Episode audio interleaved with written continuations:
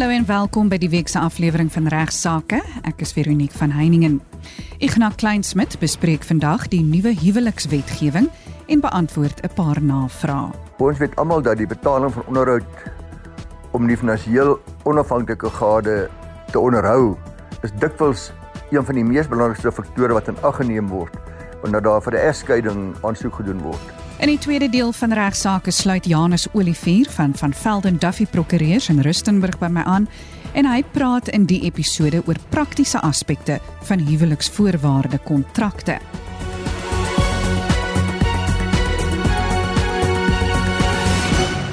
Ons begin die week die program met Igna wat die nuwe huwelikswetgewing bespreek. Goeiemôre aan al die luisteraars. Dankie dat jy weer luister. Ons nou die vorige twee programme heelwat gesels oor huweliksreg. Maar Veronique het ook vir my gevra om asseblief so 'n bietjie meer te sê oor die nuwe huwelikswet wat in wording is, die konsep huwelikswet, want daar is 'n nuwe konsep huwelikswet goedgekeur deur die kabinet in 2022 waarna ons al almal baie lank uitsien en dit is toe onlangs gepubliseer vir publieke kommentaar. En ek sien saam met Veronique dis dalk jy moet te werk om dit ook vir ons luisteraars te deel want ons kan nog kommentaar gee tot die einde van Augustus. Nou luisteraars, die belangrikste doel of oogmerk van hierdie wetgewing is om slegs een wet te hê wat al die huwelike in Suid-Afrika reguleer. Op hierdie stadium het ons drie verskillende wette. Die een wet wat monogame monogame huwelike reguleer, 'n tweede wet wat homoseksuele en soortgelyke huwelike reguleer, dan 'n derde een wat gewoonteregtelike huwelike reguleer. Nou die nuwe huwelikswet is opgestel met die doel om hierdie drie verskillende wette te vervang en as een regulerende wet op te tree. Persoonlik dink ek dis 'n lofwaardige rede. Die wetsontwerp poog ook om te verseker alle huwelike gesluit word in ooreenstemming met die beginsels van gelykheid, nie diskriminasie en menswaardigheid soos voorsien in die grondwet van die Republiek van Suid-Afrika van 1996 Dis maak dit nie saak watter kultuur, ras of godsdienstoortuigings of seksualiteit die huwelikspartye het nie. Alle huwelike sal onder hierdie een wet gereguleer word. Dankie ook aan Almarie Rigter wat my opsomming daarvan gemaak het. Hierdie wet poog aan om wetgewende voordele na alle huwelike uit te brei en dis 'n regverdige uitkoms vir alle huweliksmate verseker wanneer 'n dispuut ontstaan, ongeag weer eens godsdienstige of kulturele of seksuele of geslag of geloofsfaktore. Nou vereistes vir huweliksluiting en registrasie van huwelike word ook dan in hierdie wet behoorlik aangespreek. Interessantheid sou dalwe en anders as wat ons vorige wetgewing is of die bestaande wetgewing is, is daar ook maatreëls in plek gestel om huwelike onder kinders heeltemal te voorkom. Huwelike onder kinders as hierdie konsep dan 'n wet word, sal glad nie meer toegelaat word nie. En let wel, hierdie konsepwet sê selfs al gee die ouers van daardie kind toestemming tot die huwelik.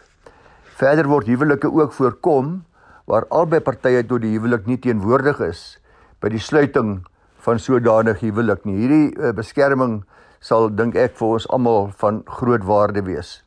Daar word ook pertinent voorsiening gemaak vir poligame huwelike Nou moet jy maar penorin sit en mooi luister die van u wat dalk graag 'n tweede vrou of 'n tweede man wil hê. Daar word nou voorsiening gemaak vir poligame huwelike en dit sit ook die streng riglyne daarvoor uiteen, soos byvoorbeeld dat toestemming van al die partye verkry moet word. Daar hoor ek nou 'n sig party mense, ja, u vrou of u man sou moet toestem dat jy 'n tweede vrou of 'n man kry en dat daar dan 'n hof aansoek gebring moet word wat aan die hof uiteensit hoe die goede huweliksgoedere bedelings met die verskillende huweliksmaats gereguleer sal word. Die hof is ook by magte om hierdie hofaansoek van die hand te wys as die hof dan natuurlik nie oortuig is dat dit in die belang van al die partye en hier sluit ons die kinders ensovoorts in nie. Dis medes een huweliksmaat is nou nie net vir sekere kultuurgroepe gereserveer nie, maar is moontlik vir ons almal watter faktore die hof in aanmerking moet neem sal ons nog moet sien. Dis nie behoorlik in die wet uiteengesit nie. Maar soos ek gesê het, toestemming van die huidige eggenoot is noodsaaklik. Nou ja, ek weet nie van julle nie, maar met my vrou uh, sal dit wees soos 'n kalkoen wat 'n uh, stem vir kers wees. So, Daar's nie 'n moontlikheid nie. Indien enige van ons luisteraars graag die wetgewing wil lees, is dit baie maklik verkrygbaar op Google. Dit is gepubliseer in die Staatskoerant. Kyk na Government Gazette nommer 48914 op 7 Julie 2023. Die Government Gazette nommer 48914, daarin sal die volledige wet sien, gedateer 7 Julie 2023. Die wet is ook oop vir kommentaar tot en met 31 Augustus 2023. Dis gaan kyk gerus en het nog tyd om kommentaar te lewer sou u wou. So Roslo wil ek sommer weer herinner aan die Prokureursorde van Suid-Afrika namens wie ek hier gesels se Nasionale Testamente Week wat plaasvind vanaf die 11de tot die 15de September. U is almal welkom om 'n prokureur 'n afspraak te maak. Die meeste prokureurs neem hieraan deel. Hulle sal dan vir u gratis vanaf 11 tot 15 September 'n testament opstel. Daar sekerre reëls waaraan hulle ook moet voldoen. Hierdie is ook maar 'n manier wat ons as prokureursorde aanwend om seker te maak dat u aangemoedig word om van die dienste van 'n prokureur gebruik te maak en dat u nie bang is vir die kostes daarvan nie. Let wel, 'n prokureur mag nie aandring daarop dat hy of sy die eksekuteur van die boedel mag wees nie. Jy mag self die eksekuteur kies en hy sal vir u ook dan eh, afskrif van die testament gee nadat dit opgestel is ek moet ook net byvoeg dis nie bedoel om ingewikkelde boedelbeplanning te doen nie of mense wat bestaande testamente het en wat net dit weer wil hersien nie. Hierdie gaan oor nuwe testamente vir die wat u wat graag testament wil hê en nog nie voorheen daarvoor kans gesien het nie. Goed dankie Igna. Igna antwoord nou 'n paar navrae wat hy onlangs ontvang het. Luister af na aanleiding van die programme oor huweliksreg het ek heelwat navrae gekry oor onderhoud en veral twee navrae wat ek graag wil bespreek, naamlik die vraag of hoe onderhoud beïnvloed word deur 'n tweede huwelik of dan saamwoon met 'n ander derde party na egskeiding. Nou, ons weet almal dat die betaling van onderhoud om die finansiëel onafhanklike gade te onderhou is dikwels een van die mees belangrikste faktore wat in ag geneem word wanneer daar vir 'n egskeiding aansoek gedoen word. En selfs nadat die egskeiding plaasgevind het, die huwelik ontbind is, is die gade steeds volgens wet verplig om die ander finansiëel by te staan. Dis van kardinale belang om te onthou dat die onderhoudsverpligting heeltemal kwytgestel of verminder kan word afhangende van die onderskeie partye se situasie soos wat dit van tyd tot tyd verander. Insluitend die bedrag of die bydrae wat daardeur 'n nuwe gade dalk gemaak word. So uh, dis nie 'n eister gegiet hierdie onderhoudsbedrag wat die hof toestaan nie. Selfs al sê die hof byvoorbeeld dit moet jaarliks met soveel rand vermeerder of met eskalasie of met inflasie styg, dan is dit nie uh, noodwendig so nie want daar kan veranderde faktore en omstandighede wees wat natuurlik onderhoud beïnvloed. Een belangrike een daarvan is uh, die man wat sy werk verloor of die of die vrou wat sy werk verloor, afhangende van wie onderhoud kry en wie onderhoud betaal. Nou die behoefte om onderhoud te betaal in Suid-Afrika spruit natuurlik uit die wetlike konsepte van huweliksondersteuning en ook die grondwetlike reg op gelykheid, die lewenstyl reg deur die huwelik, die partye se vereistes, se behoeftes, hulle verskillende finansiële situasies, alles word in ag geneem wanneer die onderhoudsverpligting deur die hof bepaal word of wanneer die partye deur middel van hulle prokureurs skikking bereik. Na die egskeiding is die doel om seker te maak dat die gade wat finansiëel afhanklik is, voldoende onderhou word. Die hof kan daaraan dink, let wel om die onderhoudsverpligting, maar dis wat die luisteraars vra, te verlaag indien die gade wat onderhoud moet betaal of dan die een wat onderhoud moet kry, weer trou of permanent saam met iemand anders gaan woon. Hierdie vermindering is meestal gebaseer op die nuwe gade se bydrae en hoe die betalende gade se finansiële situasie geraak word of ook natuurlik hoe sy gebrek aan die bydrae of die een wat onderhoud moet kry se verbeterde situasie die finansiële situasie van albei partye raak. Byvoorbeeld, die my vrou wat onderhoud by wat weer geskei is en wat onderhoud moet kry, gaan woon permanent saam met 'n ander persoon, saam met 'n ander man. Die nuwe gade se finansiële hulpbronne of sy trou. Nuwe gade se finansiële hulpbronne en verpligtinge die lengte en stabiliteit van die nuwe verbintenis en enige finansiële winste voorspruitend uit die nuwe vennootskap. Dis alles elemente wat die hof oorweeg. Die hof kan dan die onderhoudsvereiste verlaag indien die hof bevind uh, dat die nuwe gade se bydrae voldoende is om die betalende gade se finansiële las te verminder of dat die betalende gade nou heelwat meer verpligtinge het as gevolg van die nuwe vrou en en, en nuwe kinders om sy finansiële las te verminder en onderhoud te verlaag. Die hof kan self besluit om onderhoudsverpligtinge in spesifieke situasies op nul gestel moet word.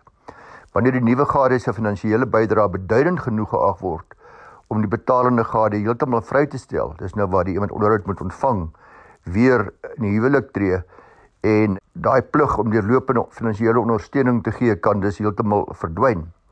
Nou in die saak van SLM versus BM dis onlangs in die Johannesburgse Hooggeregshof in 2023 wat gehandel het oor geïmpliseerde en stilswygende bepalinge van 'n skikkingsooreenkoms hanteer ek om vir u te wys hoe belangrik dit is dat u behoorlik moet kyk na die skikkingsooreenkoms wanneer jy skei.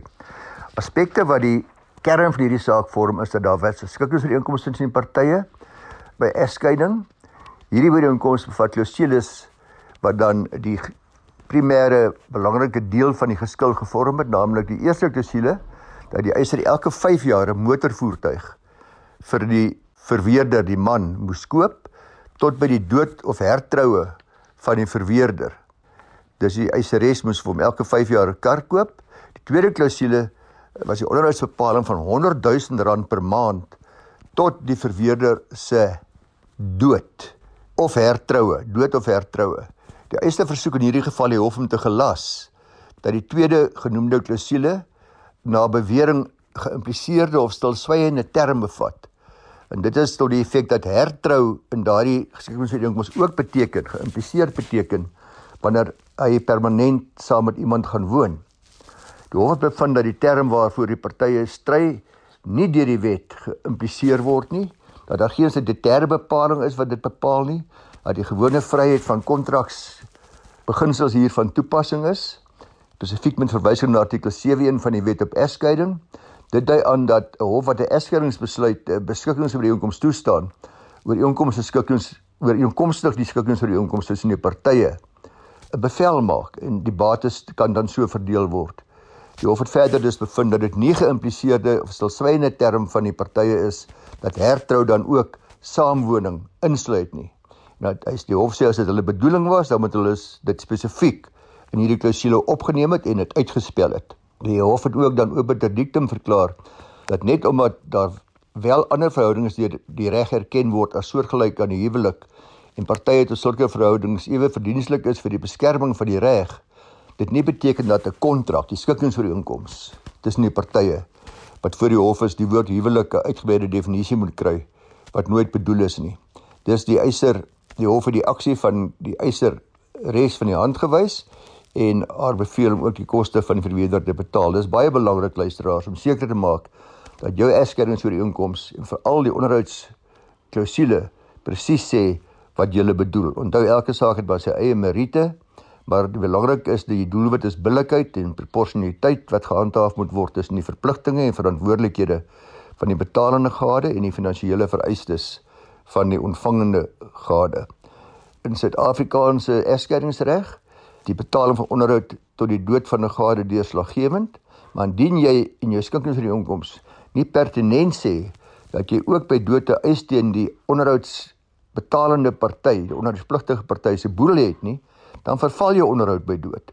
Dus indien jy nog getroud is op datum van dood, dan jy nie bekommernis nie want dan is die wet op die onderhoud van langslewende gades van toepassing.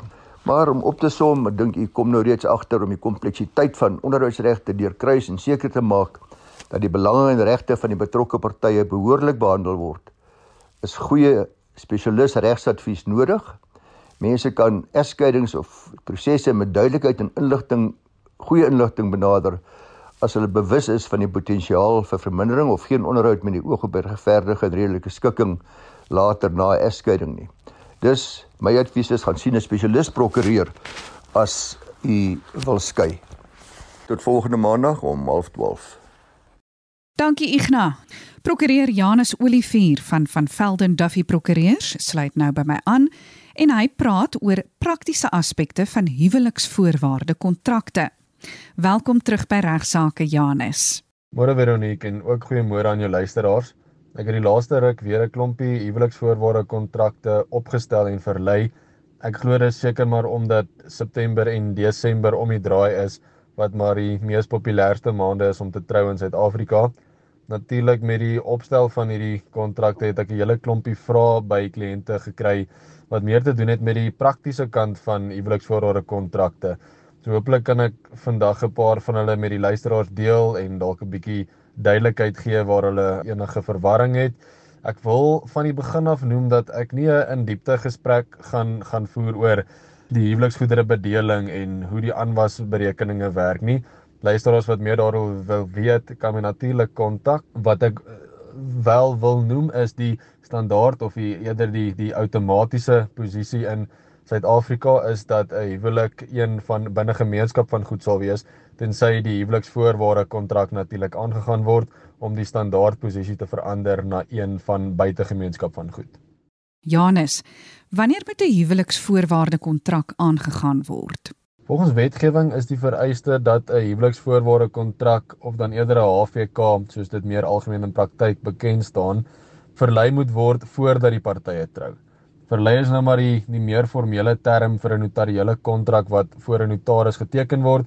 Die notaris teken dan ook die kontrak in die teenwoordigheid van die kontrakterende partye en plaas sy seël daarop. Belangrik vir my is net dat luisteraars hoor die AVK moet verlei word voordat die partye trou, maar dit is nie nodig dat hy geregistreer moet wees voordat hulle trou nie. Jy kan met ander woorde 10 voor 4 die middag nog jou AVK teken en 4 uur trou. Ek sal dit natuurlik nie voorstel nie, maar ja, dit dit is 'n opsie. Ek wil dan ook dalk net byvoeg, jy kan wel 'n AVK verlei nadat jy reeds getrou is, maar dan gaan jy die hof se toestemming moet kry. So dit maak dit 'n baie duurder proses en dit vat ook baie langer. So ek sal dit ook nie voorstel nie. Luisteraars wat natuurlik nou reeds getroud is en en dalk van binne na buite gemeenskap en goedere wil verander, het hierdie opsie, maar dit gaan nie so eenvoudig wees soos om net 'n afspraak by jou notaris te maak en vanaand 'n kontrak te verlei nie. Jy het nou verwys na 'n notaris en registrasie in die aktekantoor. Hoe werk dit en hoekom is dit nodig? Veronique artikel 87 van die Wet op Registrasie van Aktes bepaal dat 'n HVK net deur 'n notaris verlei kan word. Ofwel eerder meer spesifiek 'n HVK moet deur 'n notaris verlei word. Met ander woorde, jy kan nie 'n HVK aangaan sonder 'n notaris nie. Ek dink dit is duidelik. 'n notaris is eenvoudig 'n prokureur wat suksesvol die notariële eksamen afgelê het en dan deur die hof as 'n notaris uh, toegelaat is. Die idee is maar eenvoudig dat notarisse meer sorgvuldig of meer noukeurig is en 'n meer in diepte kennis het oor sekere aspekte van die reg wat natuurlik is waaroor jy eksamen skryf en daarom mag sekere dokumente soos 'n HVK dan nou net deur 'n notaris verlei word. Wat die registrasie in die aktekantoor betref, bepaal die wetgewing dat 'n HVK binne 3 maande nadat dit verlei was geregistreer moet word in die aktekantoor as jy vir een of ander rede 'n uh, HVK buite Suid-Afrika geteken het, dan het jy 6 maande om jou HVK te registreer en die doel van die registrasie is maar net dit bring 'n sekere publieke elemente aan die dokument. Dit is maar dieselfde as titelaktes en langtermyn huurkontrakte wat in die aktekantoor geregistreer moet word. Dit word geag dat dit dan 'n publieke dokument word en dit word dan afdwingbaar teenoor derdes as jy byvoorbeeld versuim om jou HVK te registreer binne die voorgeskrewe tydperk, is dit dan nou nie afdwingbaar teenoor derde partye nie. Is wel nog 'n geldige kontrak tussen die huwelikspaar en registrasie is dan ook iets wat normaalweg deur die notaris hanteer word of die firma by wie die notaris werk. Jy kan aansoek doen dat jy jou jou HVK buite die voorgeskrewe tydperk kan registreer dan gee natuurlik net goeie gronde vir die hof moet uh wys oor waarom jy nie binne tyd die HVK kon registreer nie. En ek sal sê in my opinie is dit maar 9 uit die 10 keer nalatigheid aan die kant van die notaris of die firma met betrekking tot die registrasie van die HVK. Kan die kontrak gewysig word nadat dit in die aktekantoor geregistreer is? Ja, die HVK kan gewysig word na registrasie, solank die partye nog nie getrou het nie. As die partye reeds getroud is en die HVK is dan natuurlik reeds geregistreer in die aktekantoor, kan dit net gewysig word met die nodige toestemming van die hof. Sou jy dan na HVK probeer wysig sonder die toestemming is dit natuurlik glad nie geldig nie en belangrik dit is nie eens geldig tussen die partye wie die HVK aangegaan het nie. So dis redelik streng. En die kostes? Dit sal natuurlik afhang van die regsfirma waar die notariële kontrak verlei word. Ek glo ook in die platteland sal dit seker bietjie goedkoper wees as in die stad. Uh, normaalweg is dit die gemiddelde prys van R3000 vir AFK. Ek het al gehoor van firmas wat 1005 vra en ook van firmas wat 5000 vra. En net laastens Janus, is daar enige ander vrae wat jy onlangs ontvang het? Ek dink die mees algemeenste vraag wat ek van kliënte af ontvang is of hulle die oorspronklike geregistreerde HVK in hulle besit moet hê voordat hulle die huwelik kan registreer. Die antwoord is nee. Soos ek reeds genoem het, is die vereiste net dat die HVK geteken moet wees voordat die partye trou. Die notaris sal dan 'n sertifikaat vir die kliënte gee wat bevestig dat hulle die HVK voor die notaris geteken het. Dit is dan hierdie sertifikaat wat aan die huweliksbevestiger gegee kan word en hy of sy sal dan die huwelik by binnelandse sake as een buitegemeenskap van goed kan registreer. 'n Ander vraag wat ek gereeld kry is hoe lank vat die registrasie? Dit hang natuurlik af van watter aktekantoor die die HVK ingedien word, maar dit behoort nie langer as 2 weke te vat nie. Gemiddeld in Pretoria waar ons registrasies doen, is dit so 5 werkdae en dan wag jy omtrent 'n week, dalk 2 weke om die oorspronklike terug te kry vanaf die aktekantoor. En ek dink 'n laaste vraag as ons nog tyd het is wat doen jy met die HVK na die tyd? Ek kry baie keer die vraag ook van kliënte en die eenvoudige antwoord is maar net hou dit veilig. Jy kan dit laat jou prokureur dit vir jou in veilige bewaring plaas. Dalk saam met jou testament is 'n goeie idee. Alternatiefelik kan jy dit ook maar net hou, die die betrokke partye. Ek sal kliënte aanraai om 'n elektroniese afskrif iewers te hou. Dit maak dit net makliker as jy dit later in jou lewe vir iemand moet aanstuur en jy het reeds 'n elektroniese afskrif. Baie dankie aan Ignas Kleinsmid en Janus Olivier, beide van van Velden Duffy Prokureurs in Rustenburg vir hulle bydraes tot vandag se program. Vir enige navrae stuur gerus 'n e-pos na my toe by vero@rsg.co.za. En onthou, indien jy weer na die episode wil luister, kan jy dit onder pot gooi op rsg.co.za kry. Van my Veronique van Heiningen groete tot volgende week.